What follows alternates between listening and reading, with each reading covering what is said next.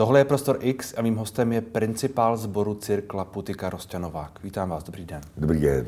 Právě v těchto dnech končí uh, představení cesty. Uh, je to pro vás hodně důležité představení, že jo? Včera mě to dojalo. Dojalo? Včera, když jsem na to koukal večer, tak jsem si uvědomoval, jak důležitý projekt to je pro mě osobně a jak hmm. si myslím, že je důležitý pro tu company, ale jak je důležitý z mýho pohledu i pro nějak uh, kulturní scénu tady, to, co se podařilo vlastně v té době a, je to i to, co se podařilo během těch posledních dvou let, tak si myslím, že se zhmotnilo v tom, v tom představení. Hmm. Já jsem, když jsme začínali tohle představení teď hrát v těch posledních třech týdnech, tak jsem těsně před tou premiérou, kdy jsem měl postavený v kruhu všech těch 50 účinkujících a celý ten tým, tak jsem říkal, že bych si přál zastavit ten okamžik. Já vím, že to nejde, ale jenom to vědomí toho, že se mám možnost podívat před sebe a vidět člověka, který se mnou před 13 lety začínal úplně z nuly a vedle něj stojí hvězda z Velké Británie a vedle něj stojí zástupce tradičního cirkusového rodu, šestá generace a vedle něj stojí 15-letý kluk z Kijevské cirkusové akademie hmm. a vedle něj stojí můj táta a nalevo stojí můj nejmladší syn, naproti mě žena moje a vlastně všechno to, co opravdu za těch 12 let, eh, nebo skoro 13 let se podařilo, tak v tom představení je. Ale jsou tam i ty propady. Hmm. Uh, otvíráme a sdílíme s divákem vlastně věci, kam se normálně divák nedostane. Je to... Tím myslíte ten trénink, nebo co? Třeba. Uh, hmm. Vlastně i ten způsob té režie já jsem zariskoval. Já jsem, ty lidi jdou na cirkusovou show, ale vlastně myslím si, že dostávají něco, co nečekají. Ono to je trošku i hra, hraná vlastně, je to takové jako, jako fúze, fúze herectví a to, toho artistního... Je to, je to, je to, já jsem se snažil v každé té kapitole i přistupovat k režii jinak, takže od hmm. tý, v té první části, kdy my opravdu jdeme po té fascinaci cirkusovým uměním a vracíme se do historie do roku 1934, kdy tady byl největší cirkusový rod kluckých, který byl opravdu konkurence byla jenom v Americe, Ringling Brosa, Barnum Bailey a měl 800 zvířat, 400 zaměstnanců. Bylo to jako pompézní uh, zábava. A pak najednou je střih a ty lidi z těch kostýmů najednou se objeví na scéně v tréninkovém oblečení. Není hmm. žádná hudba, žádný světlo. Každý večer je to jiný. To není každý večer stejný. Každý večer ty lidi musí přijít s ničím jiným na scénu, což udržuje celý to obsazení těch 50 lidí na scéně udržuje v určitý pohotovosti hmm. a pozornosti. Takže je to zajímavé nejen pro nás zevnitř, ale i pro diváka, protože ten mikrofon je pohled do našich hlav a třeba do těch nejniternějších propadů, který jsme zažili. Já jsem tam třeba teď v posledních dnech párkrát mluvil o tom, že jsem z jeviště odešel ze zdravotních důvodů a jaký to je vůbec na tom jevišti stát zase hmm. po, po těch třech letech. A pak eh, další scéna se děje v hledišti a vůbec se neděje na jevišti, protože to je to, co jsme zažívali dva roky. To je ta, ta covidová Přesně tak. byrokratická scéna. No a je to, je to o tom, jak vlastně my jsme dodržovali všechno nařízení, ale nepřestali jsme. Ne, hmm. nezůstali jsme sedět s, s rukama v klíně, nestěžovali jsme si a hráli jsme kdekoliv, kde nás lidi třeba vůbec nečekali. A udrželo to tu kulturu při životě. A teď v tyhle ty dny vlastně pod platformou Kulturu nezastavíš, tak my hrajeme na Ukrajině. Ono se o tom moc nemluví, ale díky druhému režisérovi z naší kampany Vítkovi Neznalovi, tak my každý třetí, pátý den výjíždíme s autem plným umělců a hraje se v dětských domovech ve vnitrozemí Ukrajiny. Mm-hmm. Takže to je, to je to téma obecní kultury. A pak je scéna, kdy vlastně je to o nějaký pochybnosti, jestli já ještě vůbec na tom jevišti mám co říct, jestli se na to jeviště dokážu vrátit, nebo ne. A je to o nějakém váhání. Já jsem jim sebral všechny ty jejich rekvizity, na které jsou zvyklí. Žádná houpačka, žádný lana, žádný trampolíny. A musí se spolehnout jenom sami na sebe. A pro diváka najednou je to zase střih, protože musí začít vnímat zase jinýma receptorama, eh, zapojit zase úplně jiný, jiný smysly. A je to jenom o kolektivu lidí, o soudržnosti, sounáležitosti, mm-hmm. o rodině, o kruhu. A, je to o té energii. Takže když okolo vás běží 55 lidí a vy cítíte to, že opravdu ten vítr tam je skutečný hmm. a že ta energie, pro mě to je, eh, to představení obsahuje všechno to, co já si představuji pod pojmem současný umění. Hmm. A když se tady vrátím k tomu, jaké to jsou teď pocity, že to vlastně končí, tak eh, je to trochu smutek, je. Nebo, nebo je to takové jako vyrovná, je to, je, nebo, nebo, nebo je zase, štěstí, jestli to povedlo, já nevím. Je zase zajímavý, že se to nedá vlastně vrátit, nedá se to chytit, nedá se, na film se podívám znovu, ale hmm. na to hmm. představení, já vím, že když bude derniéra, tak já už ho za rok neuvidím, já ho neuvidím za deset let, já už o tom můžu s těma lidma jenom mluvit. Nov, třeba uděláte nějakou novou verzi, ne? Nebo jako se k tomu nějak vrátit? My jsme, to představení vznikalo od toho prvního nápadu, teď to jsou skoro čtyři roky, oslavit deset let historie naší hmm. kampany v původně v prostoru Outu Univerzum. Covid to posunul z Outu Univerzum minulý rok do Šapita, kde díky nařízení jsme neměli žádný zahraniční hosty. Takže jsme se opírali o ty naše kmenové členy a o tu mladou krev naší. A bylo nás na 30. Byla to spíš oslava toho, že vůbec tam můžeme stát. A když si vzpomenu na to, že všech 500 lidí v hledišti bylo zarouškovaných a my jsme neviděli ty reakce, které letos, to je, to je tak velká změna, mm-hmm. to sdílet a vidět ty reakce v těch, v těch, v těch tvářích. Uh, dělali jsme to jako jednorázový projekt, protože ekonomicky to je vlastně jako sebe, to byla sebevražda loni to dělat. A letos vzniklo to vlastně na základě toho, že herci a diváci projevili zájem s tím pokračovat. Ale já vím, že jestli se k tomu dostaneme znovu, tak to nikdy nebude stejný jako letos. Hmm. Stejně jako to nebylo, ne, ne, nedá se porovnat verze z minulého roku. To znamená, že já si, já nedokážu ani divákům, ani hercům slíbit, že za rok to bude tak silný, jako to bylo hmm. letos. To je to, co mě nejvíc svazuje, že lidi očekávají, že my budeme vlastně hmm. po každý odevzdávat skvělý zážitek. Tisíc procent. Tisíc procent. Hmm. A vlastně já to nedokážu slíbit a proto si každý ten večer a díky i covidu mnohem víc jako uvědomuji, jak vzácný to jsou okamžiky, když se to potká, když se potkají ty lidi a když se to potká s divákem. Um, já jsem to představení viděl a musím říct, že jednak eh, ta, eh, ten zážitek z toho, jak tam eh, vaši umělci jako běhají okolo, okolo toho v jedné, v jedné té části, je jako velmi je to, je to velmi silné, protože to, to, jak člověk cítí ten, tu kinetickou energii a ten vítr, tak to je jako velmi zajímavý. Ale druhá, musím říct, že tam je pár scén nebo pár takových komentů, které jsou vlastně velmi emotivní které jsou až takový jako na slzičky, když jako člověk uh, to jako vnímá, je tomu trochu citlivý. Um, Teď mi začalo cukat v oko. Začalo vám cukat v oko. spíš, mě, spíš mě zajímá, jestli ty reakce, které na to máte, jsou třeba takové. Jestli to obecně na lidi takhle jako funguje, že, že to není jenom prostě to klaunství, nebo to, že v tom je trochu klaunství, nebo to, to, to, to vysloveně atletické umění, které tam je. Že se vám povedlo dát dohromady něco jako třeba trošku víc. Proto já se snažím v posledních letech říkat, že děláme cirkusové umění protože v tom vidím velký rozdíl a myslím si, že cirkus není jenom o zábavě, ale že se tam dá spoustu věcí sdělit. Pro mě je cílem jako režiséra, když ten člověk se během našeho jakýkoliv představení aspoň jednou zamyslí nad tím tématem hmm. a přemýšlí o tom, co mu to vlastně chceme říct a jak to třeba konvenuje s jeho osobní zkušeností. Když se jednou skutečně bojí o toho člověka, který je na tom jevišti, když udělá takový to, když se dojme hmm. a když se zasměje. Pokud odchází s těma těma emocema, tak já jsem vlastně šťastný. A pro mě velký rozdíl právě v tom, co děláme my a to, co jsem zažíval v jiných uměleckých oborech nebo žánrech, a tím je nechci nějak ponižovat nebo tohle vyzdvihovat, ale pro mě je tady zajímavý to, že to je jako skutečný, že to je opravdový, že já skutečně vidím ty lidi ve vzduchu, hmm. že de facto se tam jako zastaví na tu mikrovteřinu, že porušují gravitační zákony a on to tam můj táta v, na tom závěru té jedné části říká, že to je ohledání ideálu člověka.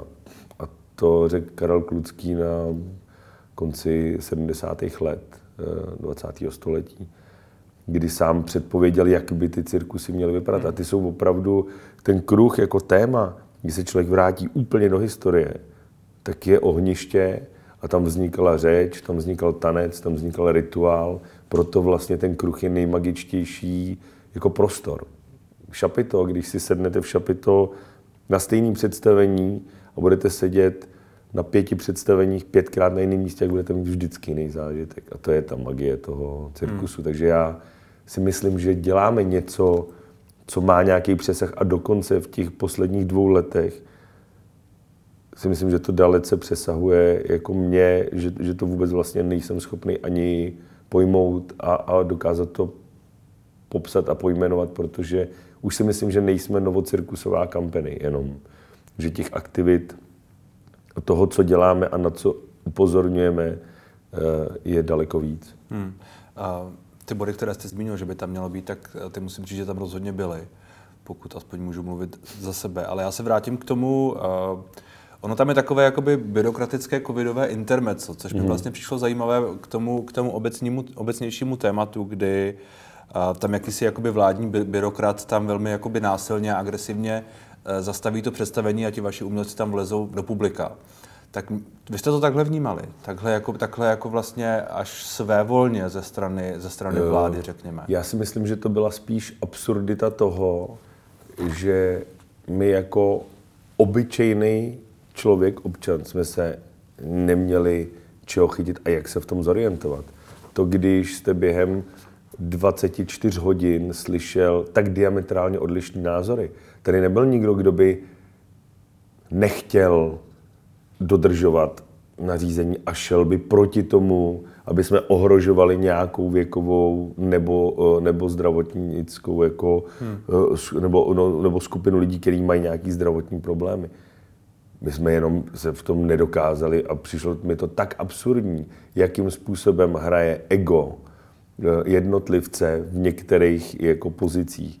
Jak, jak důležitou roli hrajou zájmy některých lidí, kteří se snaží prostě v takovýhle moment jako vydělávat na, na tom, že si s náma vlastně dokázali jako jednoduše manipulovat to, že už to trvalo tak dlouho a na, a na začátku e, ty predikce z Německa třeba byly, bude to minimálně na tři roky.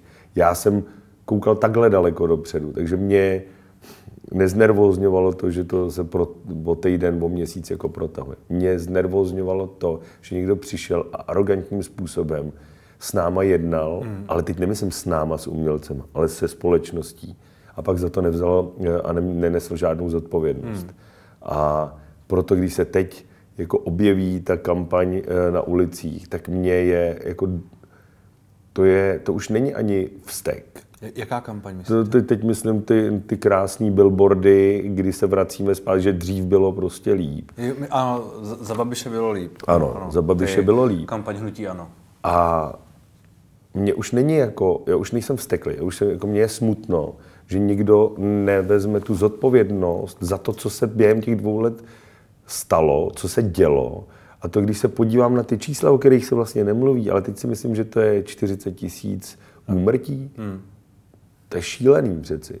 A vlastně už se to jako neřeší vůbec. Střídání ministrů zdravotnictví. Teď to byla... Tohleto je vlastně jako zhmotnění to, tou jednou osobou, která je na tom jevišti. To je ta absurdita toho, kdy eh, se toho našeho herce někdo zeptá, a vy jste kdo? A on odpoví jenom ano. A nic. A, a, a dojde to pár lidem. To vypadá jako, že zapomněl text a on odpověděl ano. A jde pokračuje dál. A vlastně ta absurdita toho textu, který, kterou, uh, co jste říkala, a to je váš názor, a vy si mě pletete s někým, koho zajímá váš názor. Jo, no, no, no. To jsou věci, které my jsme zažívali, byly mm-hmm. absurdní. A to, že ty lidi dál pokračují, hmm. To je pro mě nepochopitelné. Čili vy byste si, uh, je to taková narážka na to, že tady chybí nějaká reflexe té doby, že chybí, jako, aby, aby někdo přijal, jak, jak vy říkáte, zodpovědnost, aby byla tak. vyvozena zodpovědnost. Jako, dít, dít, my, my, my vlastně v uvozovkách my si to děláme jako sami. My, my,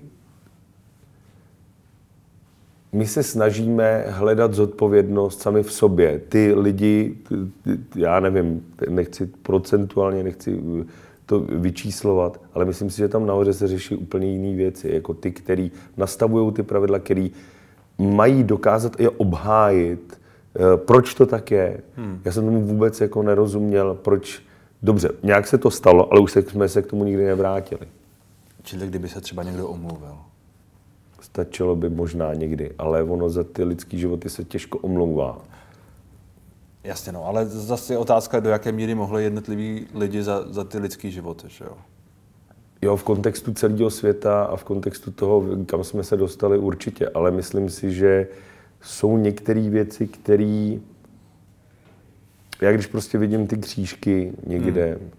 a to, jakým způsobem jsme se k tomu někteří z, uh, ve společnosti chovali. A je to stejný jako teď, aby jsme nezapomněli na to, že bychom jako neměli přestávat pomáhat v tuhle tu dobu. A myslím si, že to je úplně stejný, uh, že zase se objevují ega jednotlivců a, a zájmy jednotlivců a to mě, to mě děsí. Teď myslíte? No, teď, co se děje v těch posledních dvou měsících, tak se zase za, za, začíná se rychle jako zapomínat, mám pocit. Hmm.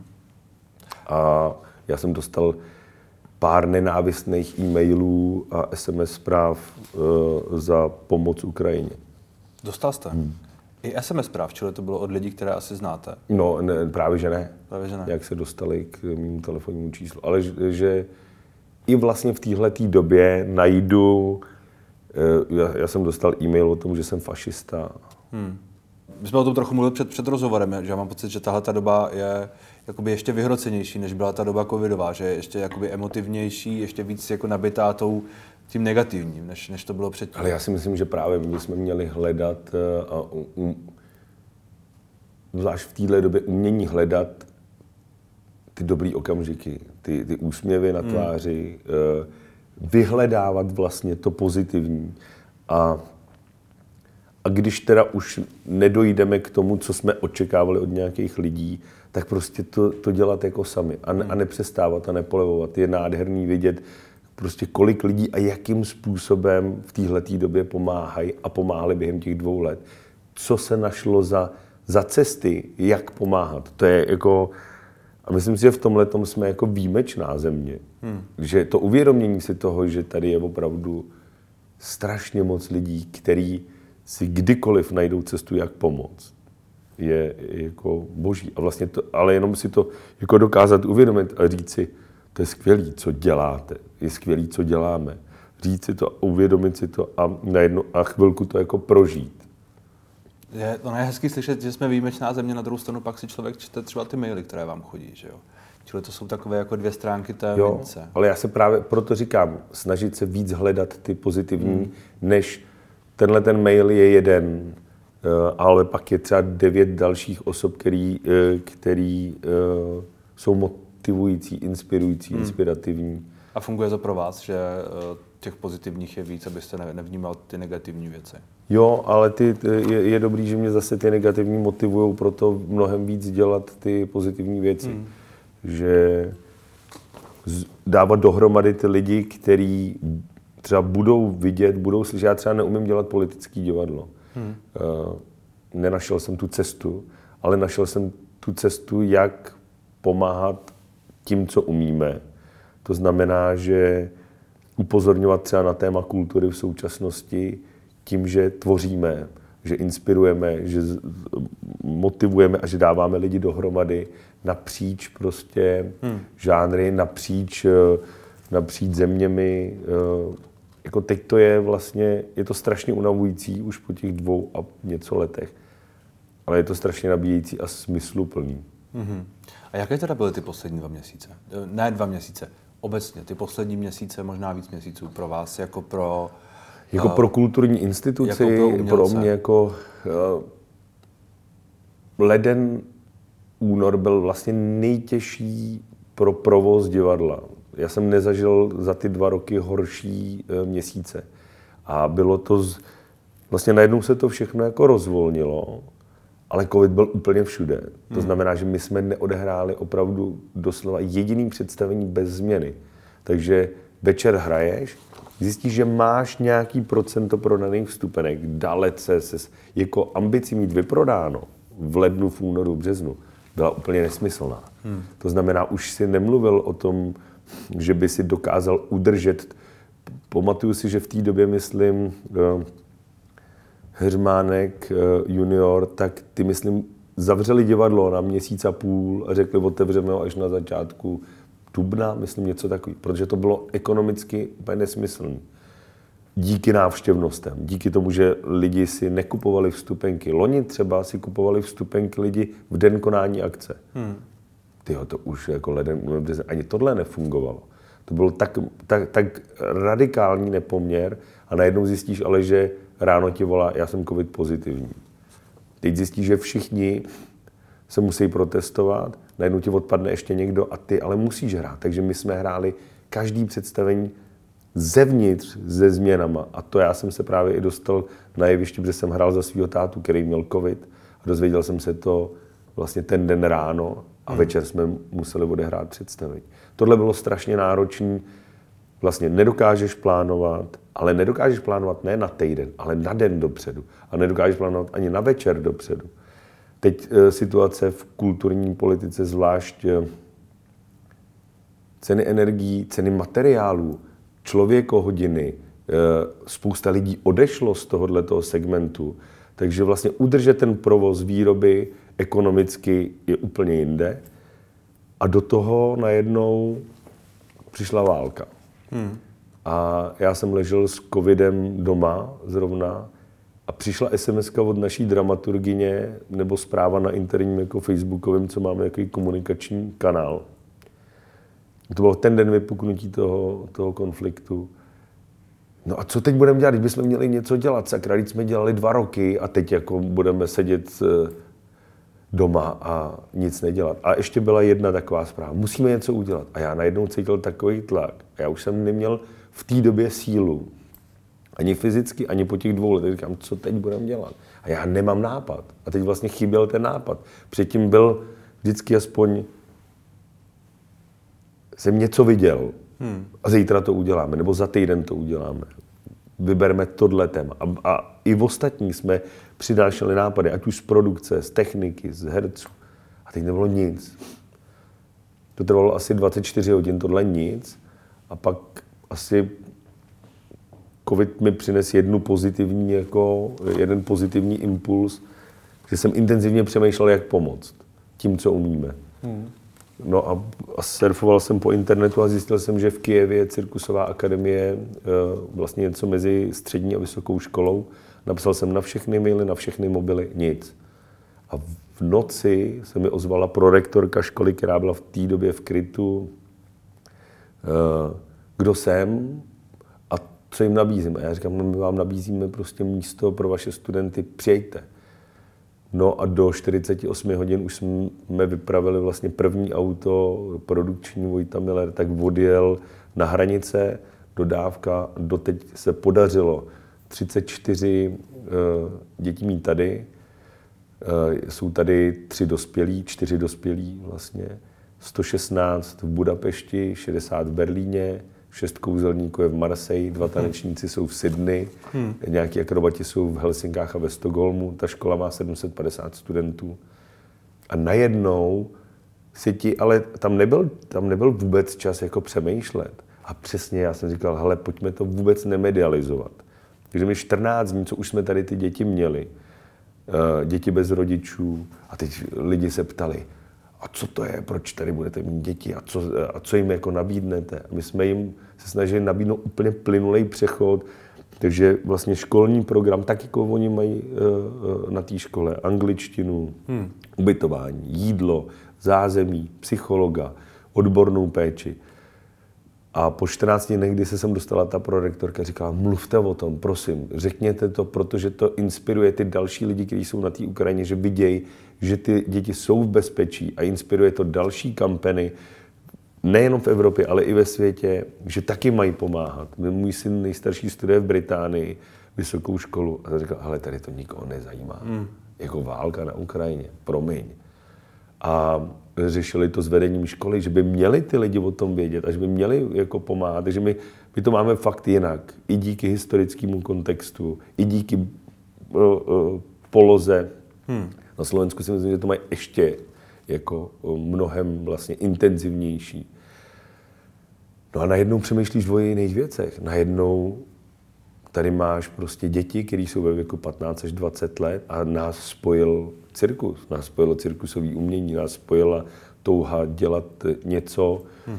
co si ale vybíráš v raném dětství a děláš to vlastně jako vrcholný sportovec do svých 40 let a pak eh, je nějaká druhá kariéra, kterou tady moc nikdo neřeší. Kariéra tanečníků a, a, a lidí, kteří se věnují fyzickému divadlu.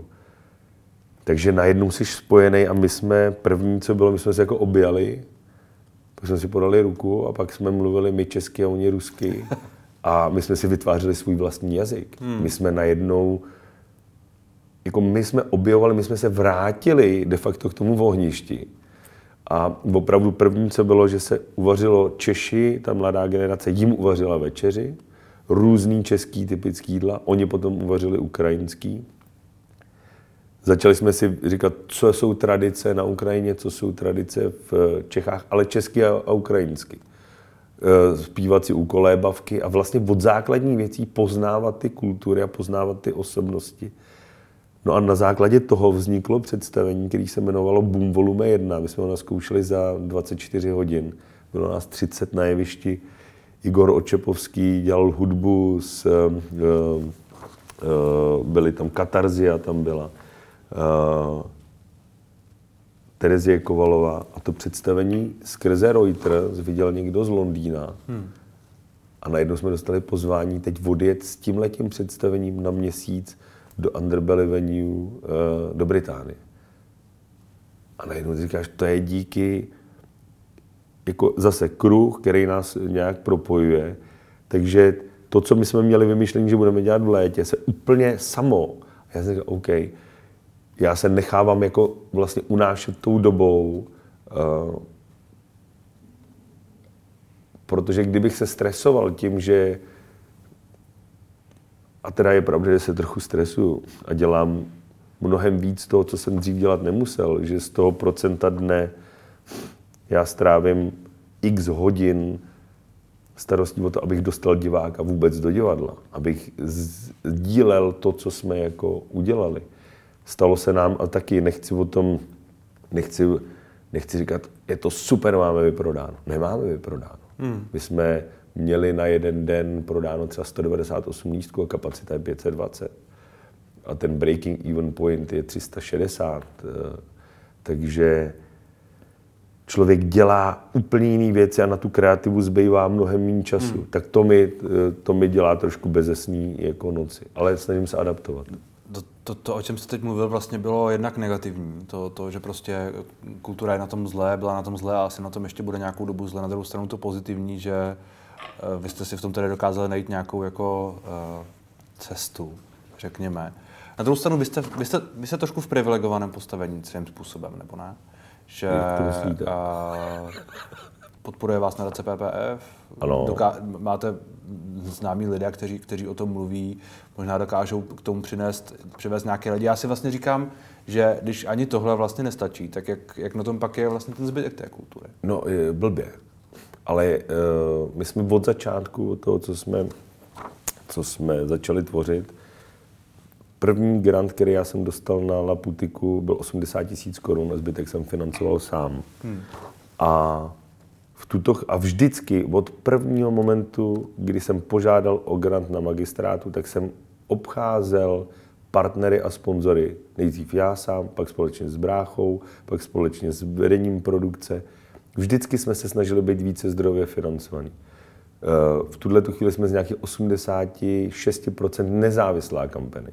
To znamená, že jsme závislí na vstupenkách. Hmm. A bez partnerů třeba nadace PPF by jsme horko těžko přežili uh, ten COVID. Díky nim jsme mohli vytvářet projekty jako Kulturu nezastavíš. Díky nim jsme mohli inspirovat další a další lidi. Díky nim jsme s Viktorem Taušem mohli začít tvořit platformu Film naživo. Jinak by to nevzniklo. Ale my vždycky musíme mít, já, já musím mít ten obsah, který je jako nezávislý, který je svobodný hmm. a proto potřebuju ty partnery, který mi dávají tu svobodu tvořit a dělat ty věci tak, jak já je myslím, který nechtějí implementovat svoje ideje do našeho jako slovníku. A já si uvědomuji to, že my máme nějaký postavení a máme možnost právě i mluvit o tom, že to, co se třeba teď v tuhle tu chvíli děje ve vztahu k tanečnímu a pohybovému divadlu a jakým způsobem teď probíhá komunikace s ministerstvem kultury, je fakt tristní. A, a je to něco, co může ovlivnit tu budoucnost tohohle toho žánru na x let dopředu. Hmm. A to je ale segment, který nejčastěji vyjíždí do zahraničí. Dělá největší reklamu český současný jako kultuře. E, dělají mezinárodní projekty, dělají s velkýma jménama. A tím se vosekávají a vosekávají peníze. A je ale právě ještě o to horší, že my nemáme žádnou druhou kariéru. My prostě ve 40 tanečníci, akrobati skončí a nikdo se o nás nestará. Jako vlastně upozorňovat na tyhle témata, tak já si hmm. skrze tu naší pozici uvědomuji, že máme možnost právě díky i dosahu a asi i díky tomu, že jsem na začátku a kombinuju ty věci mezi herectvím, to znamená, že mě lidi můžou znát z některých filmových projektů nebo televizních seriálů, kolik já jsem se naučil na televizních reklamách, na seriálech, to všechno se mi propisuje. Kolik já jsem se jako režisér naučil na komerčních eventech. Super, jako samozřejmě vymýšlíš, anebo přemýšlíš o tom, pro koho to budeš dělat. V životě bych neudělal nic pro Babiše. V životě bych nešel jemu dělat jeho vánoční večírek. Ale půjdu ho dělat rád někomu jinému, kde já dám práci lidem, přinesu peníze do té hmm. kampany a přinesu zase na ten provoz tak pojďme se, pojďme se zastavit u toho, eh, tady je několik bodů vlastně, který asi třeba trošku otevřít. Hmm. První je ten, jestli, jestli ta kultura, ale vy jste zmínil hlavně asi tedy pohybové umění a tu komunikaci s ministerstvem uh, kultury. Jestli teď tedy jsme v nějakém jako zlomovém bodu? Jsme, myslím si, že jo. A je to, je to cítit hodně teď právě ve vztahu k, k grantovému systému. Když si vezmete, že uh, granty, výsledky grantů na letošní rok dostanete v Dubnu, blbě se rozjíždí ten rok. Uh, rozdíly mezi... Je to hrozně těžké, je tady neuvěřitelně dobře fungující asociace nezávislých divadel, asociace profesionálních divadel, který komunikují s ministerstvem, snaží se to nějak nastavit. Ten princip toho, co oni vytvářeli rok a půl, aby fungovalo, nějak se nastavilo, no tak se teď hned první rok vlastně porušilo a teď všichni na to reagují, jak je to možné, že se to porušilo. A teď se odůvodňuje, uh, proč se porušili nebo jak se porušili a vysvětluje se to. Akorát, že to už je zase strašně pozdě. Hmm. Prostě čtyři měsíce v roce, vy nevíte, jak na tom vlastně budete. Proto třeba tady kousek od vás v La Fabrice Jana Burkěvičová tak ruší všechny projekty na letošní rok, protože najednou nedostala žádnou dotaci a dozví se to v půlce toho roku. Jo. Teď nás čekají vlastně divadelní prázdniny, jsou dva měsíce, kdy se ve spoustě divadel nehraje. A když se to dozvíš v dubnu, ti zbývají dva měsíce do eh, první půlky sezóny, pak už jenom tři a půl měsíce do Vánoc. Je to strašně těžké a opravdu vysvětlovat stále, jak důležitou roli tady hraje kultura, proč je kult a, a co všechno je kultura. Já nechci mluvit o, o vkusu. My bychom neměli být arbitry vkusu. Do kultury patří entertainment, patří tam i Leoš Mareš. Ano, patří. Patří tam muzikál? Ano, patří. Patří tam televizní seriál? Ano, patří. Patří tam nezávislý umění, patří tam výtvarný umění, pouliční, hmm. patří tam nezávislá hudba, alternativní. My ne, nemá být měřítko návštěvnost. My přeci, kdyby jsme neudělali třeba my, teď zase mluvím o naší zkušenosti představení Black Black Woods, kdy jsem hrál s tátou nejvyšší 6 hodin, a na to přišli diváci s očekáváním cirkusového představení, no žádný cirkus vlastně nebyl. 300 lidí v hledišti, z toho 200 odešlo během představení. Byl to největší jako zážitek, adrenalin. A těch 100 tam zůstalo a těch 100 chodilo na každý další představení, který jsme hráli tři roky a my jsme tím ukázali nějakou jako odvahu té kampany, ale to si můžeš dovolit, když máš nějaký zázemí. Hmm. A když od tebe neočekávají lidi, že budeš každý rok generovat divácký úspěšný představení. To je strašně svazující. A ten argument, že uh, že kultura si na sebe musí vydělat, takže to, co si na sebe nevydělá, prostě nemá, nemá, nemá přežít, který, To- občas, který to- občas zaznívá. A To je nesmysl. Hmm. To, je, to je přesně to, co, o čem jsme se bavili eh, před natáčením, kolik artových filmů vlastně vznikalo dřív, kolik jich vzniká teď a přeci nemá být měřítko to, že se všechny peníze vrátí. Hmm. Jako jsou projekty, které jsou smysluplní a posouvají někam vůbec, anebo ukazují tu šíři té kultury. Ty segmenty jsou, některé jsou čistě komerční, vydělávají peníze, ale já nemůžu říct o, já jsem byl v Londýně teď eh, nedávno, za čtyři dny jsem viděl čtyři různý představení. Fantastický Cyrano z Bergerac, úplně geniální James McAvoy. Dostal jsem doporučení od českých herců a režisérů, osobností, kteří to viděli, to představení. Bylo to fakt fantastický muzikál Moulin Rouge, muzikál pro děti a uh, Cirque du Soleil. Každý, ten, každý to představení je úplně jiný segment, ale, je, ale je to všechno kultura je strašně důležitá. A je na jednom představení úplně vyprodáno lístky za 250 liber, na jednom úplně malinkatý představení za 40 liber a nebylo vyprodáno, ale bylo skvělý, bylo fantastický. A to si na sebe rozhodně neviděla. Hmm. Takže tady si myslím, že bychom měli vůbec mluvit o tom, co je úloha kultury jako takový. Na co může upozorňovat, jak může vzdělávat, hmm. koho může ovlivňovat. Já teď řeším představení pro generaci Z, o generaci Z. Vlastně chci vytvořit představení z pozice jako boomera o, o generaci eh, od 14 let do nějakých 28. Spolupracuju na tom se sociologama, psychologama, marketérama, influencerama.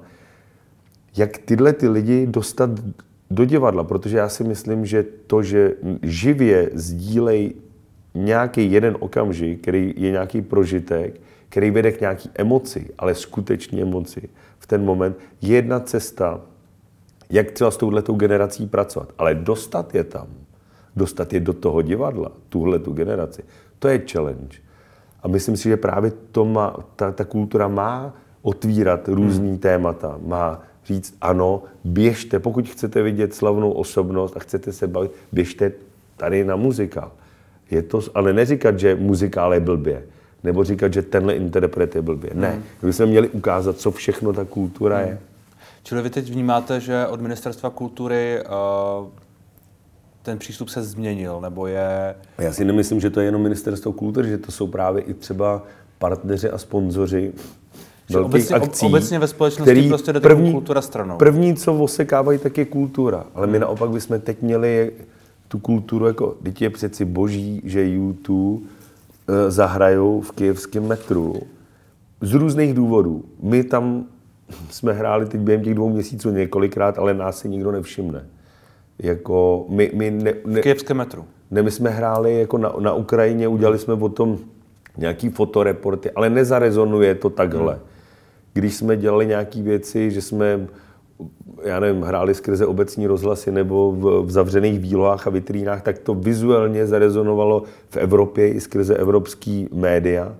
Ale potřebuješ tyhle ty osobnosti, tyhle velký jména. Ty potřebuješ.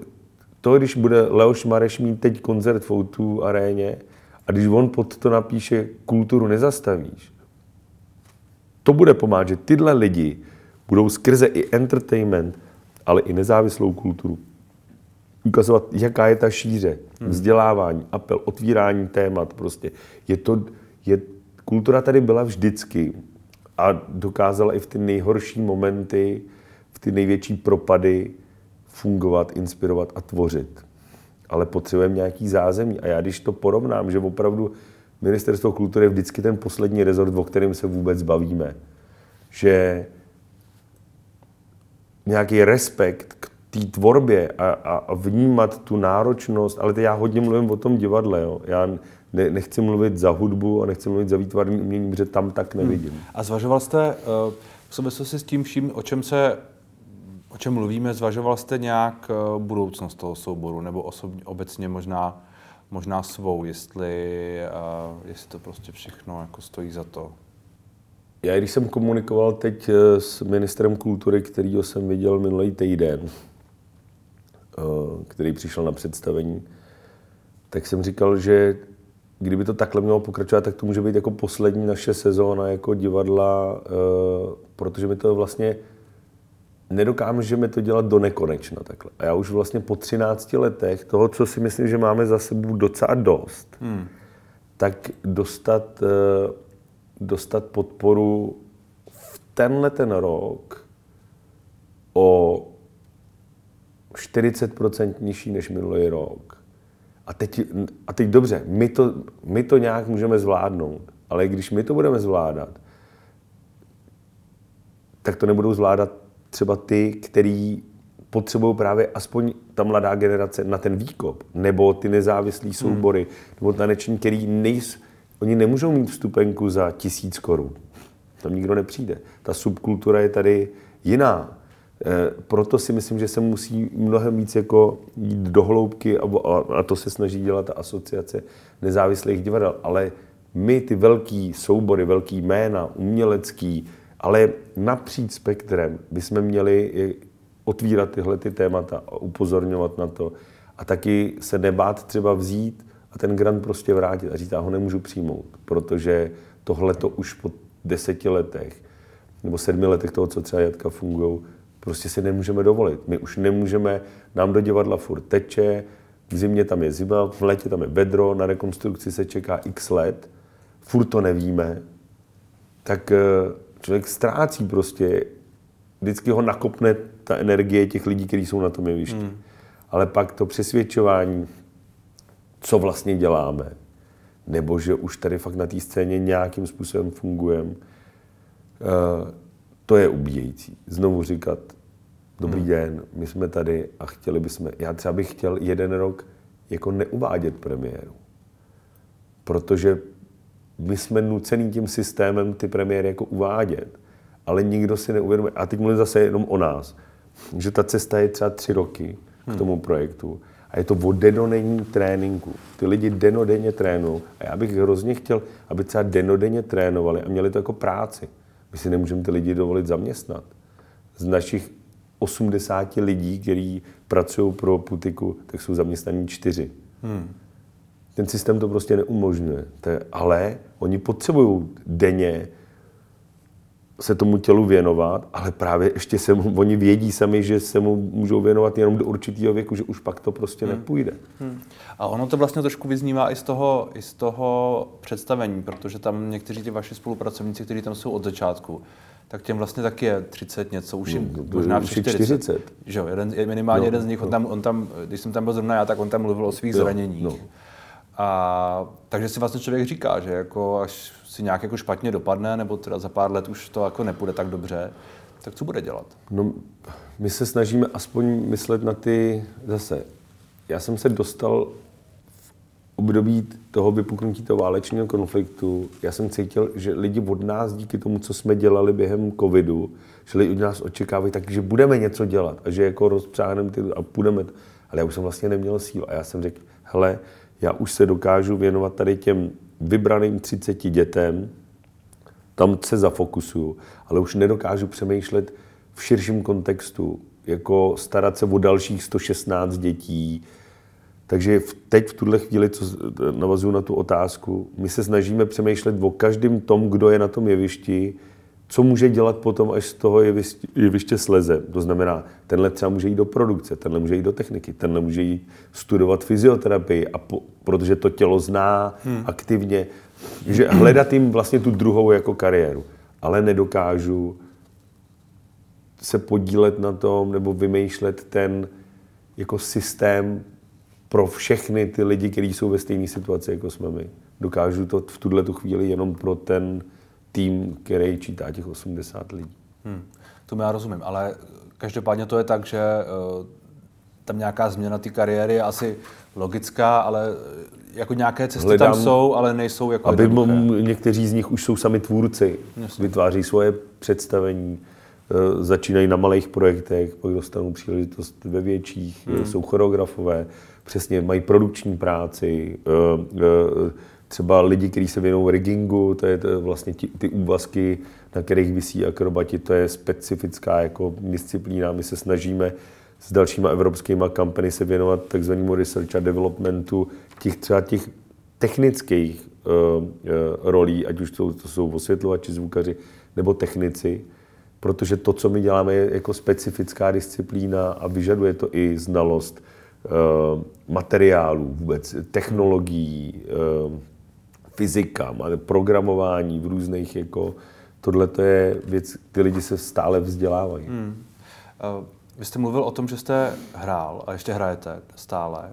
No, už to asi tolik ne. A já vlastně jsem, jako, uh, já jsem vás nedávno viděl ve firmu Bábovky. a...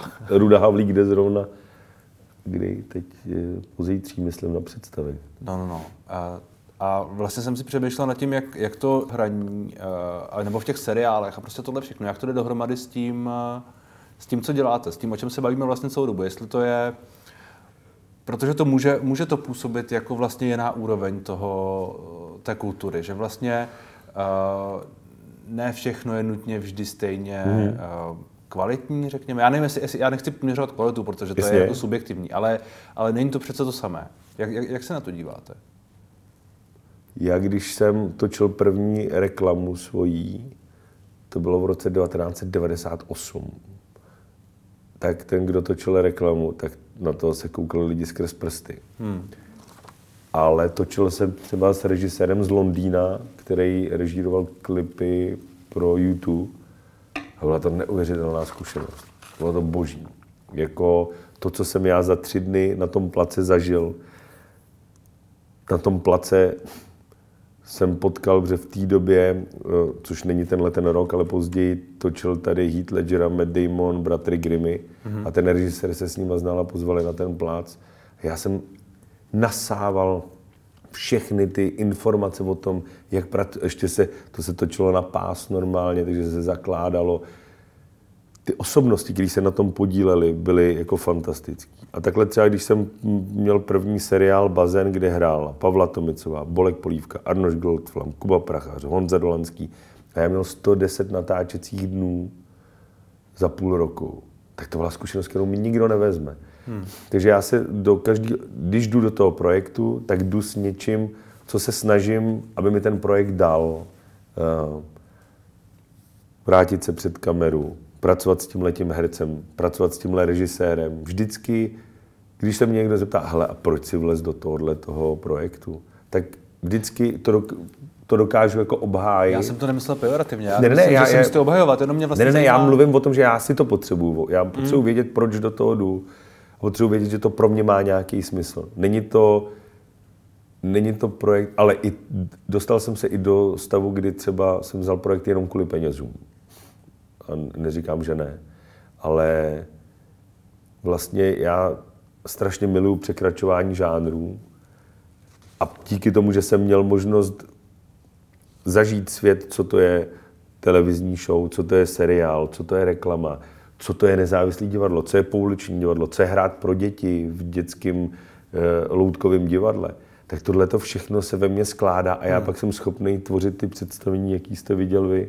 Bez toho by to nešlo. A teď točíme cesty a já už dlouhý léta směřuji ke svýmu filmu. A furt vlastně se k němu nejsem schopný dostat. Říkám si, ještě není čas a teď vlastně s, díky i Viktorovi Taušovi a Martinovi Doubovi, se kterými jsme vytvořili film naživo, jsem se najednou do toho filmu ponořil úplně vlastně v jiný podobě, ale už taky o deset let později, mm. než jsem o tom snil chci se vrátit před kameru. Loni jsem natočil jeden film jako herec. Eh, hrajeme spolu s Vicou Kerekeš. Eh, to by mělo mít premiéru letos eh, v červenci. A letos mě zatím natáčení žádný nečeká, tak uvidíme. Tak ať se vám daří. Děkuji moc za rozhovor. Já děkuji za pozvání.